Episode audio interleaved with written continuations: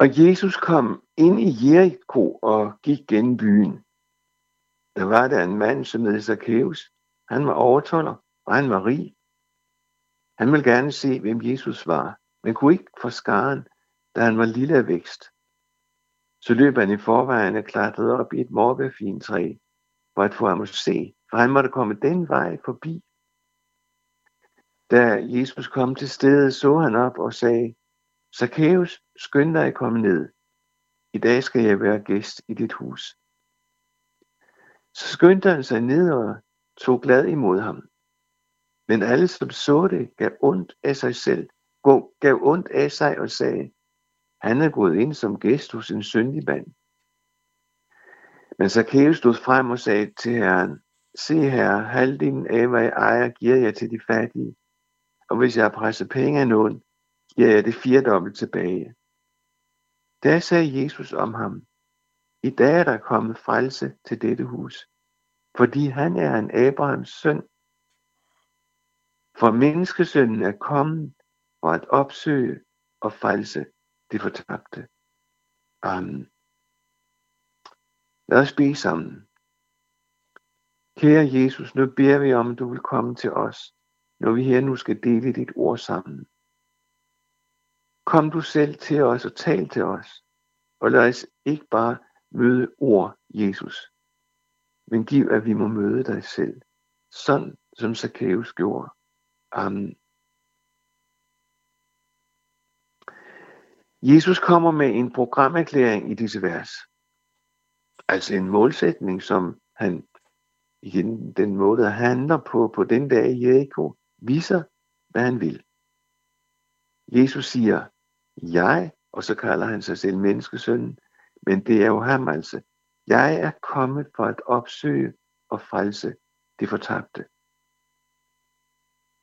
Det er jo bogstaveligt det, der sker den dag, Jesus opsøger ham, som er en højplaceret embedsmand i den romerske administration. Så kæves hedder han. Jesus kalder på ham. Jesus siger, at han vil besøge ham, hvilket sker. Og der bliver lagt til rette for en fest hos familien Zacchaeus. Og han taler om, at frelsen er kommet til hans hjem. Frelsen er kommet til Zacchaeus og til hans hjem. Der er mennesker i byen, der bliver ikke alene forvirret, men også forarvet over det besøg, som Jesus gør, når han besøger Zacchaeus. Hvad er det for noget, spørger de. Ved Jesus ikke, at Zacchaeus hører til, hører slet ikke til i det pæne selskab? Jesus kommer faktisk i et dårligt selskab den dag. Han ved det. Zacchaeus vidste det jo også. Zacchaeus havde ingen fantasi til at forestille sig, at Jesus ville ham noget, end sige ville besøge ham. For Zacchaeus vidste, at han var en taber. Ikke alene vurderede hans bysbørn ham på den måde. Ja, ikke en taber i, rig, i, i pengeforstand, for der var han rig.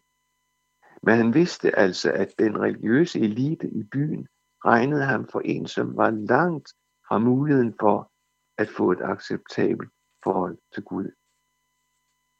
Og jeg tror, at foruden at være forarvet, var han også en hadet person til sted.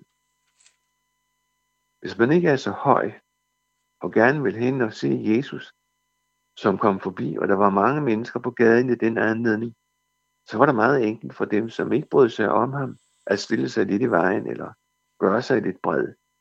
Så Zacchaeus i hvert fald ikke skulle komme frem i forreste række, eller komme frem til at se Jesus.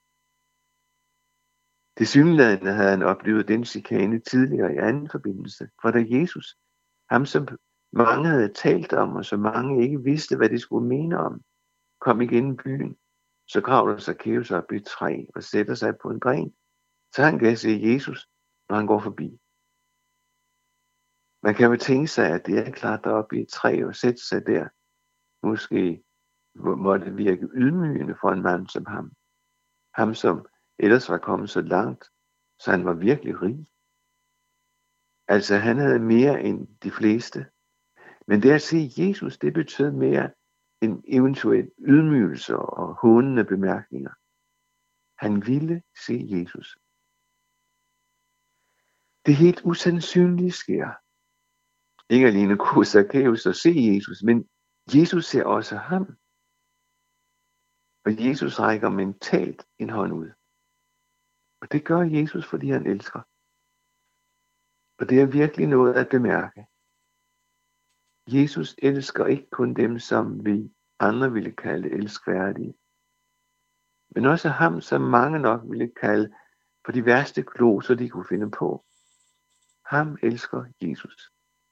Ham tager Jesus tid til. Og hele denne situation fører frem til festen i Zacchaeus' hjem. Det fører frem til, at Zacchaeus får noget så stort af Jesus, så hans rigdom, hans status, får en anden plads. Halvdelen af hvad han ejer, vil han give til dem, der er fattige. Og han erkender, at han har snydt i udmålingen af skat. Vi læser, at han vil give pengene firedom tilbage, hvis han har presset penge af nogen. Man kan også oversætte det her, hvis, som jeg ved er tilfælde, jeg har presset penge af mennesker, så vil jeg give dem det firedom tilbage. Hvad er det, Jesus giver denne mand, som får den betydning for ham? Jesus giver ham fred med Gud. Jesus giver ham syndernes forladelse. Så kæmpe stor er den virkelighed for ham. Jesus udtrykker det på den måde. I dag er der kommet frelse til dette hus, fordi Zacchaeus er en Abrahams søn. Det betyder, Zacchaeus er kommet til tro.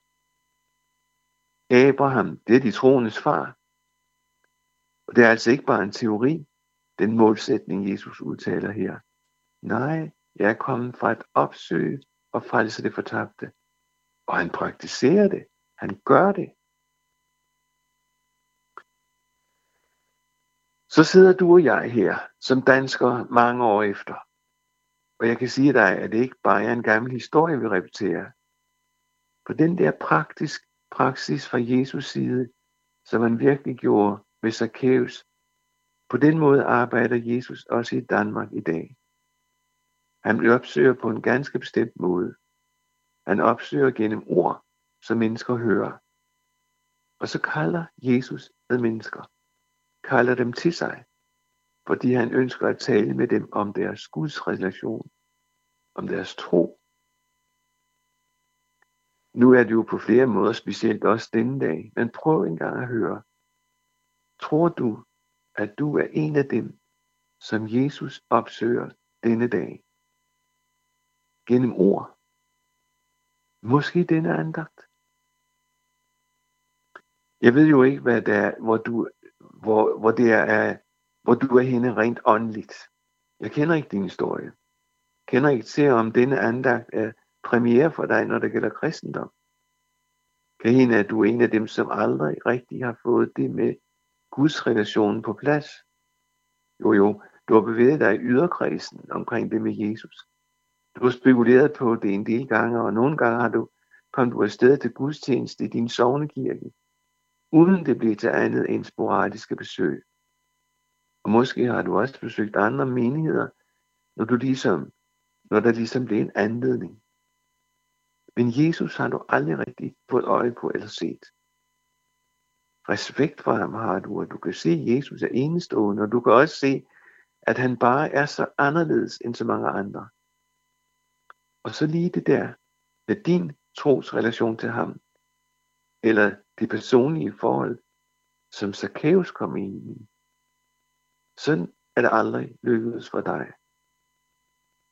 Du vil gerne på en måde, og det kom derhen, hvor Zacchaeus kom, fordi han kunne kalde Jesus sin falser. Det vil du gerne, der vil du gerne hen, men det er svært. Ligesom at løbe i forvejen og kravle op i træ. Og det er heller ikke lige dig. Har du det sådan, så er det fordi Jesus søger efter dig. Jesus vil gerne besøge dig, der hvor du er, der hvor du bor. Han vil gerne tale med dig om dit liv. Han vil gerne give dig de samme ting, som Zacchaeus fik. Altså retten til at kalde Gud sin far, eller skal vi kalde det syndernes forladelse. syndernes forladelse over fortiden, over nutiden, samt også så et sted at hvile, også med tanke på fremtiden. Eller det kan være, at der er gået dig på den måde, at du engang havde en forbindelse til en kristen menighed. Måske hørte du til et sted sammen med din ægtefælle, og I kom der og var glade for det. Og så kom der så meget ind i dit liv, som bare ødelagde så meget, også i den forbindelse. Kan hende, at du fik et problem i dit ægteskab, og at det måske gik i tu. Og det forekom dig uovervindeligt at vende tilbage til menigheden, når alle vidste, at I var blevet separeret og skilt. Og så kørte forbindelsen, så kørte forbindelsen til de andre i menigheden af sporet. Eller du fik måske problemer med alkohol. Du ved, at det er forkert at drikke sig fuld. Men det er bare endt så, sådan så mange gange for dig, netop med det. Og der er endda nogen fra menigheden, som har set dig i en stor brændert. Det der med at komme tilbage til det kristne fællesskab og være en så stor taber, det er ikke til ud. Så du går ikke bare lige tilbage til menigheden, selvom det vil være det rigtige. Så hører du en andagt om Zacchaeus. Jeg ved ikke, det giver, jeg ved ikke, om det giver dig lidt håb og forbindelse dig og Jesus Kristus. Men det var jo ikke Zacchaeus, der henvendte sig til Jesus. For det synes han var absolut, absolut no-go.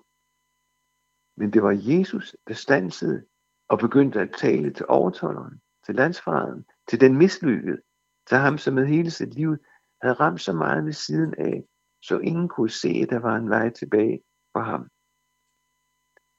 Er du en Zacchaeus i Danmark i dag, som har den retning, som har de retning af den måde, jeg nu skal tegnet op? Ved du hvad så? Så søger Jesus dig. Så det er dig, han opsøger denne dag. Menneskesønnen, som er kommet for at opsøge og frelse det fortabte. Altså programerklæringen, som Jesus kom med, og som beretningen afsluttes med. Og jeg siger, og jeg har lyst til at sige til dig, hvem du end er, som lytter denne dag, kan være, at du tilhører en anden religion end kristendom. Men prøv at høre. Jesus vil gerne frelse dig, så du får det godt med Gud. Så du får tilgivelse, syndernes forladelse, som en virkelighed ind over dit liv. Og der har du fred med Gud. Der er du et Guds barn. For Jesus var turen igennem byen i Jericho en del af en rejse, som endte i Jerusalem. Og ikke længere efter kom han til den by, og det var påske. Den påske, som vi kender fra evangelierne, hvor det begynder med palmesøndag, hvor Jesus drager ind i byen ridende på et æsel. Det som mange med rette oplevede som en opfyldelse af profeten Zakarias' profeti. Og folket hyldede Jesus. Og ugen endte på en ganske anden måde, og stemningen vendte totalt.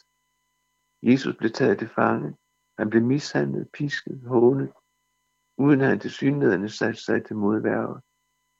Gennem en parodi af retssagen med falske anklager, førte det frem til en domsfældelse og en korsfæstelse.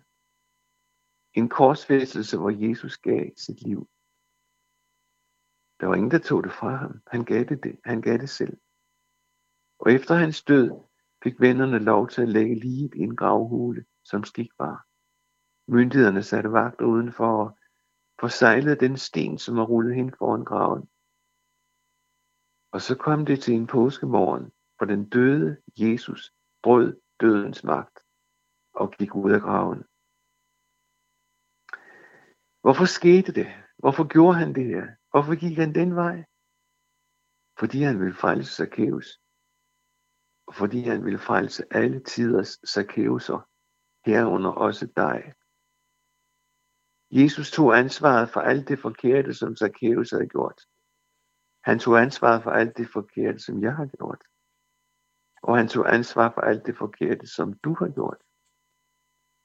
Og så gik han ind i mødet med Gud, og det betød for Jesus, at han måtte dø.